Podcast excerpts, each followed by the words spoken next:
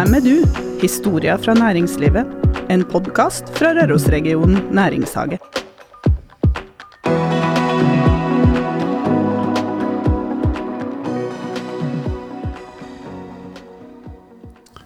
Velkommen, nye lyttere og erfarne lyttere, til en ny podkast fra Rørosregionen næringshage. Om en måned og en dag er det julaften, bare så dere vet det. Men aller først, Kristin, hvorfor har vi en podkast i Næringshagen? Vi har starta en podkast fordi at eh, næringslivet skal bli bedre kjent med hverandre. For at de skal bli bedre kjent med oss, og for at vi skal bli bedre kjent med dem. Ja, Ja. rett og slett.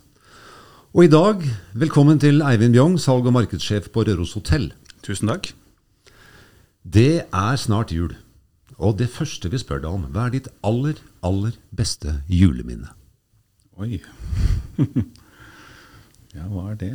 Eh, det er nok med en bestemor eh, hjemme på Nordstrand, hvor hun bodde. Eh, så baking, lukter, og at vi ikke hadde oppvaskmaskin og alt skulle vaskes opp før man kunne åpne pakker. Det er kanskje ikke det beste minnet, men det er der. Ok. Du da, Kristin? Um, jeg vet ikke om jeg har noe sånn uh, veldig sånn konkret minne om det ene eller det andre, men det er kanskje liksom hele pakka, da. Følelsen, alle sansene som treffes samtidig, og ja, jeg blir veldig sånn sucker, altså. Okay. Barnlig lykke, euforisk, for litt den derre Jeg er så glad! Ja. Enn du, Karl Erik? Jeg var født nesten midt i det forrige århundret. Eh, Da var det hester, og moren og faren min var fra Rendalen i Østerdalen. Og jeg husker at de klarte å få meg til å tro at julenissen kom. Bestefar var borte, han hadde hest. Jeg fikk beskjed om å gå til vinduet, og da kom julenissen med hest og slede. Opp en lang bakke og stoppa utafor og leverte pakker. Det er det aller, aller beste juleminnet. Men har du slutta å tro på nissen nå? Sånn egentlig? Ikke egentlig. Nei. Fint. Eivind, Ja. eh, vi, har, vi har det slik i denne podkasten at vi sender våre kjære gjester en liten, eh, noen spørsmål, og som de, så skriver de litt til oss tilbake. Og Eivind han skriver veldig godt, faktisk, han, men han skriver et sted i starten så han han er farlig nær 53,5 år. Og evig ung er ingen, men eh, hva er det beste med å være farlig nær 53,5 år? Ja, hva er det? Ehm, Det er jo å ha opplevd eh, 53 også, da. Ehm, Og den erfaringen det bringer med seg. Jeg er eh, glad for alle årene jeg får, jeg, og er veldig lite opptatt av at jeg blir eldre. Føler meg jo, Nå er jeg akkurat sånn som foreldrene mine var når jeg var ung. Som sier at nei, jeg føler meg jo ikke så gammel. Nei. Og det trodde jeg ikke på den gangen, men her er jeg da. Og mener at jeg er en, kanskje ikke 20-åring, men eh, noen og 30-åring, da. Det er et godt utgangspunkt. Og så er det slik, du nevnte din eh, bestemor på Nordstrand. Det er i Oslo. Og det er litt sånn på, på TV, hvis man intervjuer utlendinger i Oslo, så spør man alltid, man er alltid opp, veldig opptatt av liksom, hva, hva, hva syns du om Norge og om nordmenn? Og så er det geitosten da, som alltid dukker opp. Men spørsmål til deg. Du kom til Røros i 2017. Hva er rarest med Røros? Ja, den hadde jeg ikke helt tenkt på. Ehm, Jeg prøver jo å selge inn Røros da, som ikke det rareste stedet, men ehm, nei, hvis det er noe som jeg syns er kanskje rarest og søtest, så er det dialekta. Ok. Hva er best, da? Det var vel grunnen til at jeg søkte meg hit. Eh, Det var synet jeg hadde på Røros eh, før jeg eh, fikk jobben. Nå hadde jeg fulgt med som en sånn liten fan av Røros i mange, mange år. Og det dere utad fikk til, eh, og merkevaren og produktene eh, Jeg har jo huset fullt av Rørospledd. For det kunne jeg kjøpe den ene gangen i året jeg var her. Ja. Og når jeg begynte å pendle, så ble det plutselig 18 pledd. da. Så nå har jeg fått forbud. det er bra. Så det er et eller annet med hva man har fått til her. Eh, samarbeidsånd. Eh, som jeg eh, er veldig, veldig glad i. Ja. Og CV-en din, vet du, den slipper vi ikke unna. Nei. Det er en eh, seksårig Avis bilutleie. Ja. Og så er det innom Rika Hotels. Og i utgangspunktet en utdanning på i Stavanger på det som heter Norsk hotellhøgskole. Det heter det, vet Det du. het i hvert fall den gangen. Nå er det en del av universitetet i Stavanger. Og så var du innom Hateman Travel, store grupper og kunder. Men så fra, ty, fra 2000 til 2017 så jobba jeg i Seb Diners Club. Salgsansvarlig mot flyselskapene, reisebyråene, hotellene og restaurantene i Norge og Norden. Ja. Hva er den fineste restauranten i Norden? Oi. um, jeg ville kanskje si eh, Og det må være stemning, da. Og som dere ser også av CV-en min, så er jeg litt glad i Italia. Eh, og det er stemningen på Mamma Pizza i Dronningens gate i Oslo. er helt fantastisk. Drives av tre brødre um, fra Napoli, og de har tatt med seg Italia til et bitte lite lokale i Oslo. Hvis man sliter med å få bord eller hotellrom, fins det snarveier og omveier å komme seg inn? Kan du, har du noen triks til oss? Det er å, Ringe Eivind. ja, å ha et smil i stemmen når du spør, tror jeg. Det løser seg jo stort sett for mennesker du liker. Aha, så enkelt. Så ja, så enkelt. Og så har vi et spørsmål som alltid går på hva, altså, Mennesker som er i farta og driver med ting og ønsker å få til ting, de har en indre motor. Hva er din indre motor? Ja, jeg måtte jo ringe Kristin og høre om er jeg så heldig at jeg skal få snakke om italienske biler, for det er jo det som er drivkraften min sånn på sida. Ja. Eh, men det er en interesse uh, som det er godt å slappe av med også. Uh, men det som driver meg, er, uh, syns jeg, dialogen jeg har med både kollegaer, venner, familie, kunder. Menneskekontakten. eh, det å få til noe sammen. Eh, jeg er nok mye mer en sånn eh, samarbeidende fyr enn en sånn enstøing. Ja. Eh, og trigges av å få til ting sammen. Behøver ikke bare gå på skinner, men eh, at vi sammen kommer ut av det og gjør det litt bedre. Når det gjelder italienske biler, snakker vi Lancia, eller hva snakker vi for noe? Åh, du er sånn voksen så du kan Lancia, du. Eh, jeg har hatt to Lanciaer også, Ja, og nå er jeg på den sjette Alfa Romeoen. Aha. Men jeg har også hatt masse Fiater, så jeg er like lykkelig bak en liten Fiat 500 som en stor Alfa Romeo. Du skriver at du er redd for slanger og edderkopper, og så er du ferdig snakka. Gå videre. Så vi går videre. Hva tapper deg for energi? Ja, sutring og kos med misnøye, det er jeg veldig dårlig på. Eh, Jeg liker å si at jeg er utsolgt for sutring. Eller at vi er utsolgt for sutring. Og da kan du ikke engang ringe med smil i stemmen og si at du kan få litt mer. Altså. Det Energilekkasje. Energilekkasje er bra. Syns du om sutring, Karl Erik? Av hjelp for det verste så er jeg sutrekopp sjøl, skjønner du, så jeg må se meg sjøl i speilet. Altså Ikke, ikke sutrekopp, men eh, irritabel, da. Men eh, det er kort vei til sånn derre negativitet for meg noen ganger. Det er noe det er jævla kjipe ting da, som jeg gjør noe med. da. Men. Så vi hopper over til Eivind. Eh, det er Og hvordan lader du batteriene, da? Det er på mange måter. Eh, Jeg er nok eh, fryktelig god på å ta meg fri.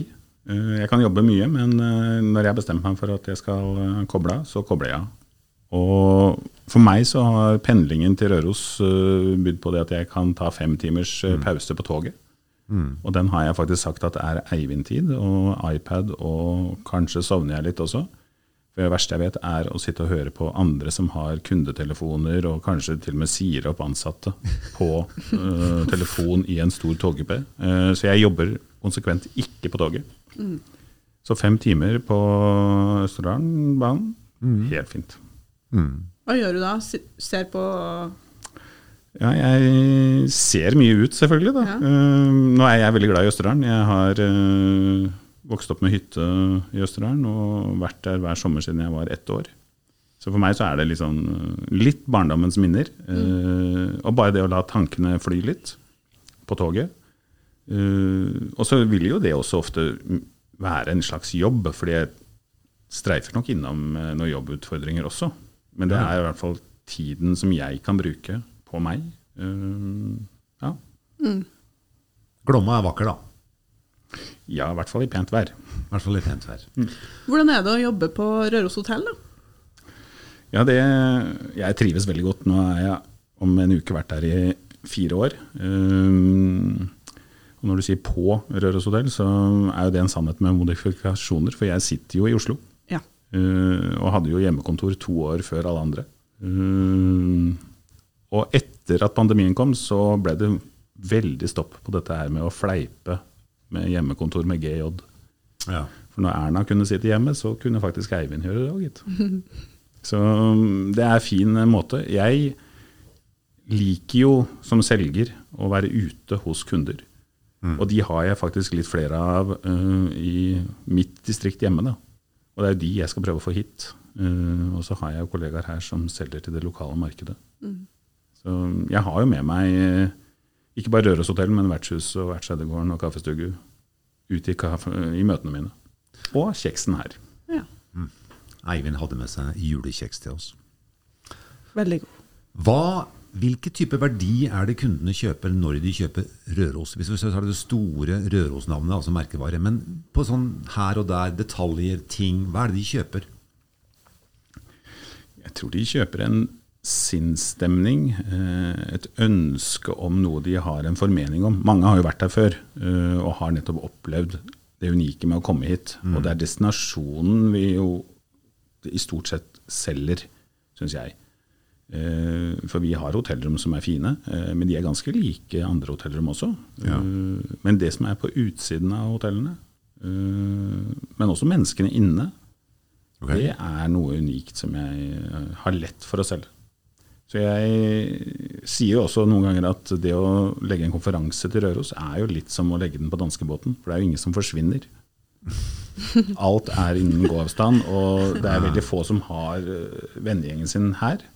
Ja. Så man beholder gruppen samlet uh, på Røros. Og så er det jo veldig mye finere da enn en danskebåt. Ja. Du, du har jobba mye med Røros som merkevare, Kristin. Er du overrasket over svaret hans? Nei. I, ikke i det hele tatt. Nei. Jeg syns det var veldig godt oppsummert, egentlig. Det her med at det er en sinnsstemning. Mm. Mm. Selge følelser, selge Ja, du selger opplevelsen, altså en tilstand altså, Og når jeg er ute og snakker eh, til kunder da, om Røros og sier at jeg har begynt å jobbe på Røros, så, så er det jo et eller annet Man får et smil tilbake. Vedkommende har kanskje vært her som barn, eh, eller ikke vært her i det hele tatt, men det er jo ingen som har et negativt syn på Røros. Det kommer fram en barne-TV, det kommer fram noe hygge, Ja, ja. og så kommer det fram noe kulde, da. Men den er jo magisk. ja, det er den. Vi fikk jo gjennomført en undersøkelse for ikke så lenge siden som omhandler liksom Røros som reisemål. Og i lys av det vi sitter og snakker om nå, da, så skulle en ofte tro at folk, altså det er ganske mange som har en relasjon til Røros, i og med at man opplever det på den måten. Men det som var litt interessant å se, var at den analysen faktisk viste at det er veldig få som har en relasjon til Røros før de kommer hit. Okay. Sånn at det er et veldig tydelig inntrykk da, man sitter med før man reiser, for eh, mange sin del. Det er fascinerende. Jeg kan jo også gjøre meg tanker når jeg var i en konfirmasjon i Drammen og var i, på en restaurant, og restaurantens eier kommer ut og presenterer menyen, og så snakker han fem minutter om rørosmøret. Det har jeg ikke hørt like mye her oppe. Nei, det er Det er faktisk noen der ute som er mer glad i det smøret enn det vi kanskje er selv. Og jeg eh, leter jo med lys og lykte jeg, til butikkene som har yoghurten og smøret. Smøret er blitt veldig kjent, men yoghurten også. Jeg tror det er derfor og det er så veldig bra da, egentlig, at vi får eh, og folk som kanskje ikke er fra Røros, til å selge Røros. For jeg tror at vi som liksom sitter oppi det, vi blir liksom så fanga i ei boble at vi ikke ser våre egne styrker. Vi glemmer å fortelle om dem, vi glemmer å formidle det når det kommer folk på besøk. og det ja, Så det er veldig bra at det finnes sånne som deg, Eivind.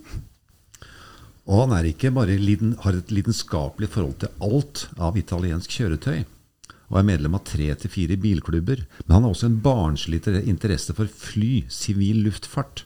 Og nå vet jeg at han skal straks reise til Seattle for å besøke sin storebror, og lander der om en- en 70 timer eller noe sånt. Men hvilket flyselskap vil du anbefale oss? Ja, og har jeg en mor som var blant de første flyvertinnene i SAS. Uh, og hun kom faktisk på førstesiden i Aftenposten når hun fikk jobben, for det var så stort den gangen på 50-tallet å få jobb som flyvertinne. Så jeg har nok en forkjærlighet for uh, SAS. Men uh, jeg syns det er imponerende å se hva Norwegian har fått til i dette landet. og jeg liker videre Jeg liker til og med Air Leap, jeg, som Kanskje er ute i litt hardt vær her i disse dager, men eh, det er et lite fremoverlent flyselskap det også, som sjarmerer. Okay. Når dere jobber med liksom utvikling på Røros hotell, da, er det hvilke andre plasser i Norge eller i verden henter dere inspirasjon fra da, eller ser til Altså, ja. Nei, eh, hvor ser vi hen? Vi er jo medlem av de historiske hotell- og spisesteder. Uh, og jeg må si at jeg samler på opplevelser når jeg er på et av samarbeidende hoteller. Forrige uke var jeg på Granavolden på Hadeland. Ja. Uh, og det var en uh, unik liten perle. så jeg skal i ledermøte i morgen, og de kommer til å bli drittlei at jeg snakker om hvor bra det var på Granavolden. og så plutselig så søkte du en jobb da på Røros, og så fikk du den. Ja. Og så måtte du gå til å jobbe på en slik måte som du gjør. Og det er jo interessant, det er veldig mange i arbeidslivet nå, som, og det er diskusjoner på ledersider og på ansattesiden, dette med hjemmekontor. Eh, det er gjort noen undersøkelser som viser at man faktisk man har ikke mistet eh, produksjonshastighet eller effektivitet. Og veldig mange vil fortsette med det. Hva, hvordan klarer du å håndtere hjemmekontor? Hva, hvordan klarer du faktisk å arbeide og selge og få dette til å gå? Du, altså, hotellet er helt avhengig av deg. Uten deg så er dette dårligere, det er mindre folk der. Ja, nå er jeg heldigvis ikke alene. Eh, vi er nå tre stykker eh, på salgsavdelingen. Okay. Tarjei sitter i Trondheim, og så har jeg Hege her på Røros, og så er det jeg i Oslo. Ja. Og det som er litt morsomt, er å se at de gangene Tarjei og jeg er på Røros, så går effektiviteten ned.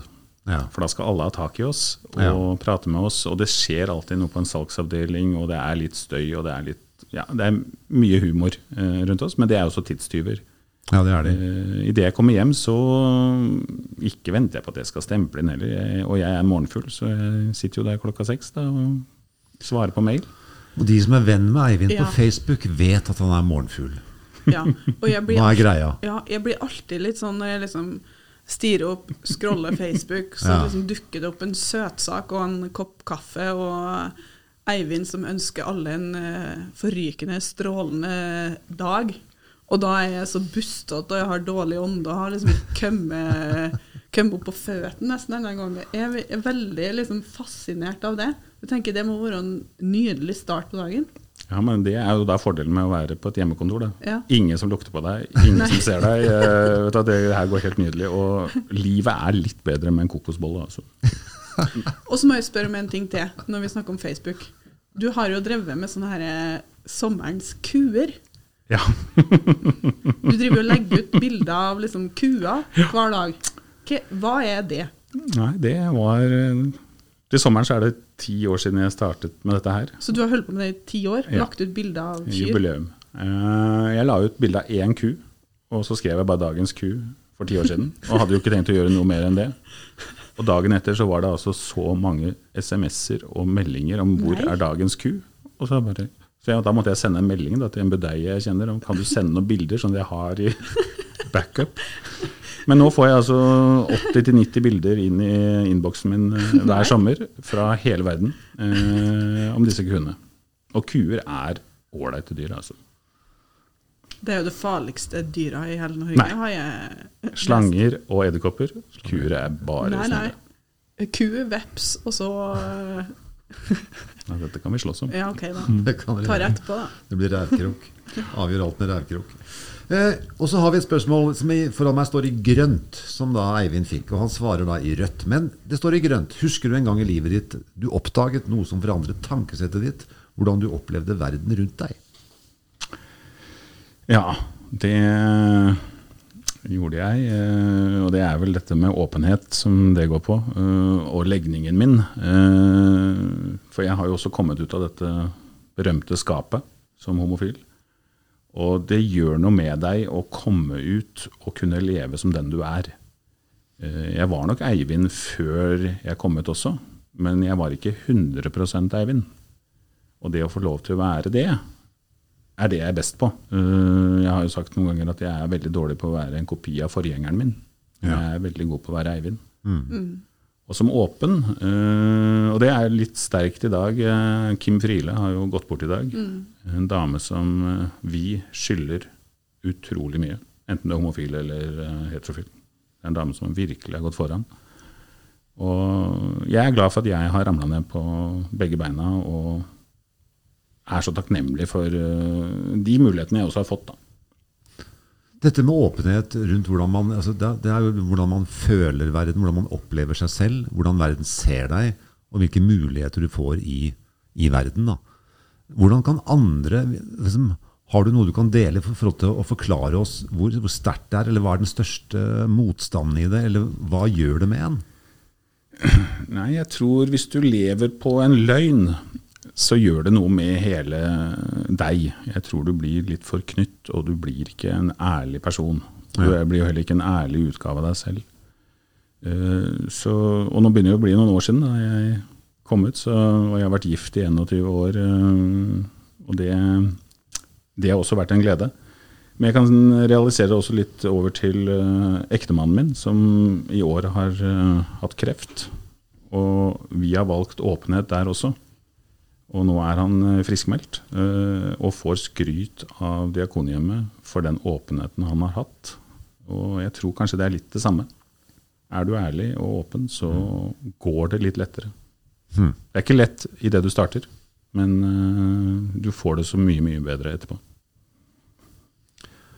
Hvilken arbeidsform har du? Har du endret arbeidsstrategi, struktur?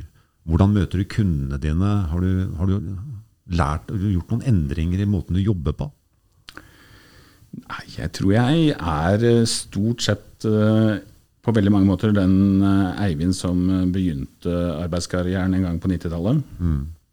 Som sagt så er jeg mest opptatt av å være nettopp Eivind. Men jeg tilegner meg jo vanvittig mye lærdom underveis, som jeg jo forhåpentligvis tar med meg da. Og jeg må si de første årene her så lærte jeg jo utrolig mye om lokalsamfunnet og historien her, som jeg nok bruker mer enn det jeg ville gjort i andre jobber. Ja. Her er historien til Røros så viktig del av den salgsjobben jeg gjør. Så den lærdommen jeg fikk med meg i starten, er ganske unik sånn videre. Ok. Hva er pitchet ditt, da? Nei, det er et eller annet med å fortelle de ærlige, små historiene fra samfunnet her. Ja.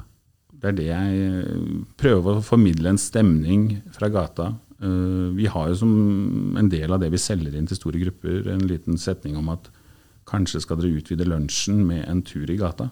ja. For det er jo litt med på å skape omsetning, og vi er jo avhengig av at det er omsetning rundt oss. Det kan ikke bare være omsetning på hotellet, det må også være i butikkene. Så mm, jeg er nok en sånn Prøver å dra inn de historiene fra mm, butikker og kafeer, gallerier. Du er en veldig hyggelig fyr, tenker jeg, Eivind. Altså, ikke sant? Du er opptatt av samarbeid, spille andre god, du er åpenhet, ærlighet. Altså, du nevner det som veldig sånn, viktige elementer. Hva, hva er din bakside? Ja, Den kan du godt få se på, men uh, den er du kanskje ikke så interessert i. Uh, nei, jeg er eh, Stort sett så tror jeg at jeg er en grei og glad gutt. Ja. Eh, men, og som jeg har sagt noen ganger, ikke prøv å få meg sur. Nei. For det er ikke noe sjarmerende. Nei. Blir du Eh, skikkelig sur da? Ja. eh, jeg er ikke noe glad i uærlighet. og prøver noen å spenne bein på hverandre eller noe sånt. Det er Nei, du vil ikke se meg da. Blir du sint eller sur? Sint. Ja. Veldig dårlig på å være sur. Eh, bortsett fra ved nevnte kjøp av Lancia. Så hadde jeg nemlig funnet en Lancia for noen år siden og var strålende fornøyd og skulle hjem og presentere denne for Hans Christian. Og han skulle ikke ha noe Lancia. Og jeg bare Så da satt det 200 kilo homo i hver sin stol, da, 100 på hver av oss, og furta. Uh, inntil jeg skjønte at bare han har jo ikke spist. Oh, ja, selvfølgelig. Og fikk dytta han i en sitronkake, og dermed skulle vi kjøpe gitt. Ja. Så gå aldri ut og prøv å få til noe på tom mage. Er jo alle lønnsforhandlinger etter lunsj. Hva er det letteste i jobben? Ja, det er på mange måter eh, den dialogen jeg har med kollegaer og kunder. Eh, det er jo det som driver meg, og det er det jeg finner eh, inspirasjon og energi i. Men det er ikke noe jeg tar lett på. Nei, okay. For det er noe jeg verdsetter, og det er jo en ydmykhet i det jeg får lov til å representere ikke bare arbeidsgiveren, men, men destinasjonen, da. Så det er lett å selge Røros for meg. Eh, Men det er ikke noe jeg gjør med letthet. Jeg Ja. forbereder meg jo. Nei, jeg skjønner. Altså, jeg, jeg er også født i Oslo, og jeg har bodd her i 40 år. Jeg, da. Men det som er rart med Røros, jeg blir ikke lei. Altså dette, Hvordan denne byen er bygd ut, bare ut fra små kår og praktiske forhold. Hvilken vei blåser det fra, hvor høyt er det, hvor mye, penger har vi, har vi en tømmerstokk til, eller har vi mista noe underveis? ikke sant? Og fjøs og stall og alt mulig rart. Men jeg blir aldri lei. Jeg oppdager, oppdager, fremdeles oppdager jeg nye ting. Det syns jeg er helt fantastisk. Veldig kort, i fjor før jul, så, var det, så satt jeg på kaffestuget med, bålpanne ute og tok en øl. På kvelden og så kom det et amerikansk par som var på ferie. Åssen jeg kom så hit, har ikke jeg peiling på, men de var nå her. Og så, sier jeg, ja, så står de og snakker litt, og så jeg prøver å være høflig. Og sånn, jeg prøver å være litt sånn vert. da. Jeg, det har jeg lært av Frank Norvik. Når du møter folk i gata, så må du være hyggelig. Og så, videre, og så, sier de yeah, it's a nice place, blah, blah, blah. Og så skjønner jeg at de tror at det er en cowboyby. De tror det er en kulisseby. Så sier jeg nei, nei, nei, det bor folk her. Så ser de på meg. Oh, it's crazy. Og så går de bare. De trodde hele byen var bare en kulisse for å selge noe greier å se på. Jo, men Det er jo det jeg også kan si til mine kunder, at uh, Røros er på mange måter et bebodd folkemuseum. Ja. Uh, for du kan dra til Bygdø, men der ser du jo ikke mennesker som bor. Men reiser du hit, da, Ja, så er det faktisk sånn. er det et folkemuseum allikevel. Men med folk som bor og lever og arbeider. Hva er en stor kontrakt på Røros hotell for en stor gruppe? Ja, det er over en eh, million. Ok, Oi, såpass, ja. det visste jeg ikke. Vi har noen, eh, vi har noen av de. Huh. Og det, og det er både kunder som har vært her i mange år, eh, men også nye bedrifter som vi igjen har fått gjennom samarbeid. Mm. I en liten by er det mye å høre. Er det sant at dere er fullboka omtrent ut mars? Ja. Er det det? Vet du hva, Jeg fikk beskjed om at jeg skulle ikke selge så mye mer resten av året, fordi det er nesten for fullt. Og første helgen er vel nå etter påske, så da er vi jo i april, da. Så nå Seattle, here you come. Ja, jeg tror det går greit med ti dager ferie nå, men uh, vi har alltid plass. Og det er noen tirsdager og onsdager som skal fylles opp også, men det er et uh, trøkk på Røros. Uh, og vi har fått mye av det. Eh, folk ønsker å møtes igjen.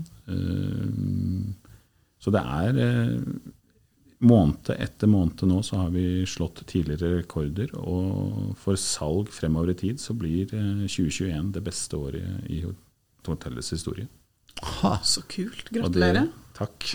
Og det er et år hvor vi har vært nedstengt eh, i opptil fem måneder. Jeg har vært heldig og fått stå i jobb hele tiden. Eh, Vi har ja. permitterte eh, kollegaer som også har på mange måter stått på og hjulpet til. Eh, vi har pusset opp hotellet også, så noen av de var jo med på det. Ja. Men situasjonen rundt permitteringer og alt har jo tatt på. Men at vi da likevel klarer å selge mer enn noe annet år, det er jo helt fantastisk. Eh, og så har vi også noen eiere som har sagt at dette skal vi fortsette med. Nettopp derfor så satset de også med en oppussing. ja. Og det syns jeg var kanskje det beste, for man følte seg jo litt alene når man satt i Oslo på Ja. syvende måned med nedstengning, og kollegaer var i permittering. Og så hadde man allikevel noen eiere som sa at dette skal vi satse på. Det skal ikke bli et asylmottak. For det har vi jo sett andre høyfjellshotell bli. Mm.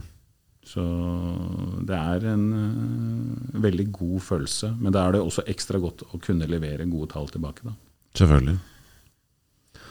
Det er altså, jeg, jeg tenker altså, Røros er unikt ikke bare på altså, verdensarv og at vi, er, at vi er som vi er, og at vi har en levende by. Men vi, har, vi er et industristed. Og så vidt jeg vet, så er Røros en av de kommunene i landet som har høyest andel ansatte i industri prosentvis av befolkningen. Og så er vi et turiststed. Og så er vi et handelssted. Men opplevelsesnæring Jeg er så sikker på at det er en lavthengende frukt å få flere mennesker inn som brenner for et eller annet, om det er fisking eller multeplukking eller et eller annet, gå tur eller sykle eller et eller annet. Hvorfor har vi ikke en større opplevelsesnæring på Røros? Ja, det kan man spørre seg om. Eh, Jeg tror jo det man har på Røros er så innmari lett å ta tak i eh, og komme ut i. Eh, Bare det å komme hit på en eh, ferietur, så har du naturen rett utenfor. Mm. Så det er kanskje ikke det samme behovet for å lage en opplevelse. Fordi du får opplevelsen enten i form av kafé, kultur eller natur rett utenfor døra. Så du klarer deg nesten selv. Og de av dere som kjenner Eivind fra Nordstrand i gamle dager, eller som kjenner han som noe sånn altså beste, beste bordet på Røros, det er i den der lille rare kjelleren på kaffestugget inn til høyre ved peisen i hjørnet. Det er plass til fire stykker. Sitte der og ete og drikke og bli sånn akkurat passe full og gå hjem når det passer deg. Det er fantastisk. Ja. det Er det? Og det skjedde meg nemlig eh, året før jeg søkte jobben. Der ser du. Jeg ble togfast på Røros uh, i forrige jobben min og fikk en kveld ekstra. Uh, og gikk tilbake på kaffestugget hvor jeg hadde vært kvelden før. Men denne kvelden, som jo da var en fredag, kunne jeg jo ta den litt mer ut. Og Annelise, som i dag er en kollega, hun uh, skjemte meg så til de grader bort. Og skal vel ha litt av æren for at jeg faktisk da søkte jobben halvannet år etterpå. Men det var nede i, kaffe, i peisestuen der. Visste du det, Karl Erik? Eller var det et snedig treff? Var det, er det et magisk bord? It's my intuition Ja. and the magic table. Ja? Det er faktisk det. Og jeg visste at, eh, at det var storebroren til Eivind som bodde i Seattle. Det visste jeg da jeg spurte han. Jeg var helt sikker. Spurte. Sånn. Du og Lilly Bendriss. Nei, nei, nei, nei. Nå, sliter jeg. Vi Jeg bare- syns han ser bedre ut enn Lilly Bendriss. Eh, Takk for det, Eivind. Det setter jeg pris på. Hva eh, var det rareste ved å være her i dag, da? Eller det morsomste, eller det mest interessante? Ja, igjen, da, så, som vi har sagt flere ganger i dag, så er dette å snakke med mennesker er jo givende. Uh, nå er det litt på en annen måte, litt sånn å sitte på nåler, men eh, allikevel Du sa når du intervjuet meg eh, til jobben, for det var du også med på, Det var jeg faktisk. så sa du at jeg skulle slappe av fordi du skulle gjøre meg god. Ja, det stemmer det. Og så etter bra, det så har jeg vel ikke akkurat grudd meg til å møte det. Så hyggelig. Tusen takk for det. Men jeg, jeg kjenner jo at du tenker litt på det her med eh, Det er skikkelig bra at eh, det går så bra for Røros hotell, men samtidig så, så har jeg jo hørt fra flere reiselivsbedrifter at man sliter med rekruttering. At det er manko på folk. Eh, hva tenker du om det? Og hva, altså, hva kan vi gjøre da for å trekke til oss arbeidskraft?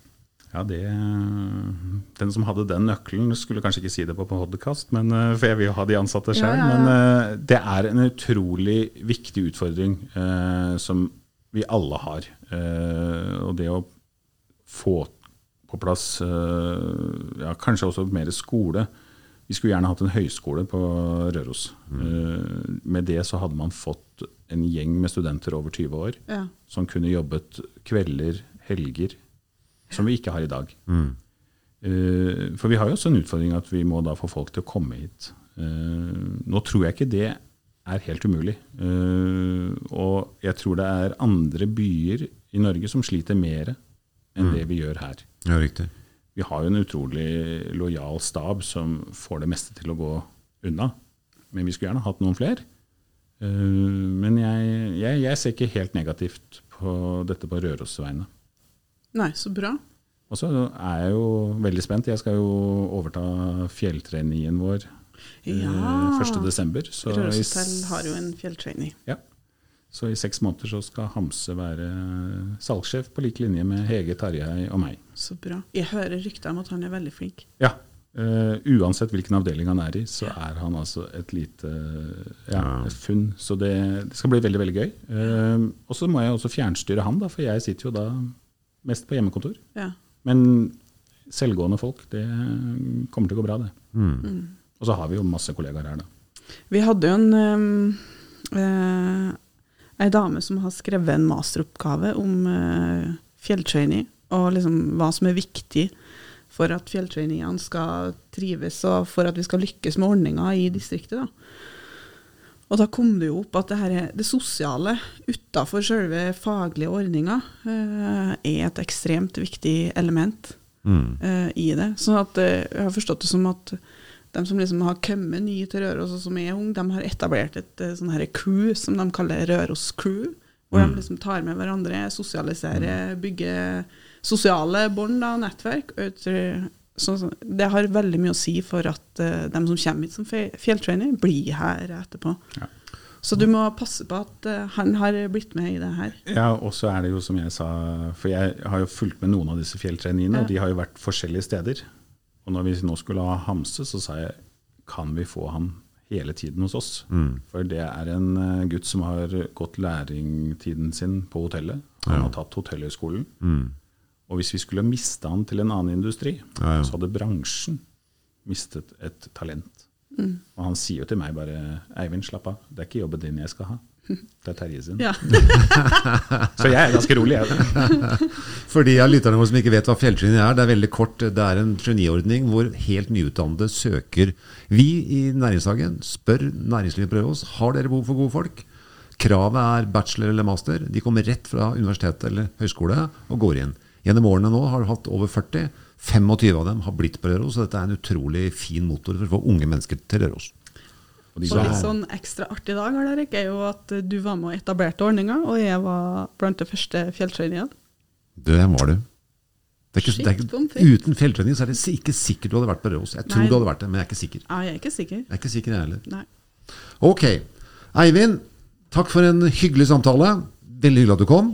Tusen takk, og veldig hyggelig å ha fått være med. Men jeg, jeg, må, jeg skal spørre Eivind om en siste ting. Det skal du gjøre. Eh, og det er noe så enkelt som Har du tre tips for en lykkelig hverdag? Jeg følte veldig for å stille Eivind det spørsmålet. Ja, ehm, det er jo liksom å stå opp med det riktige beinet, da. Uh, unne deg det du har lyst til. Eh, vær grei med de rundt deg. Eh, og så har jeg en sånn innstilling om at jeg tror at vi alle gjør det beste vi kan. Og da blir det veldig lite rom for irritasjon, tror jeg. Ja. Ok. Fint. Den får du dagens tier for. Ja. Veldig bra. Mm. Takk for praten. I like måte.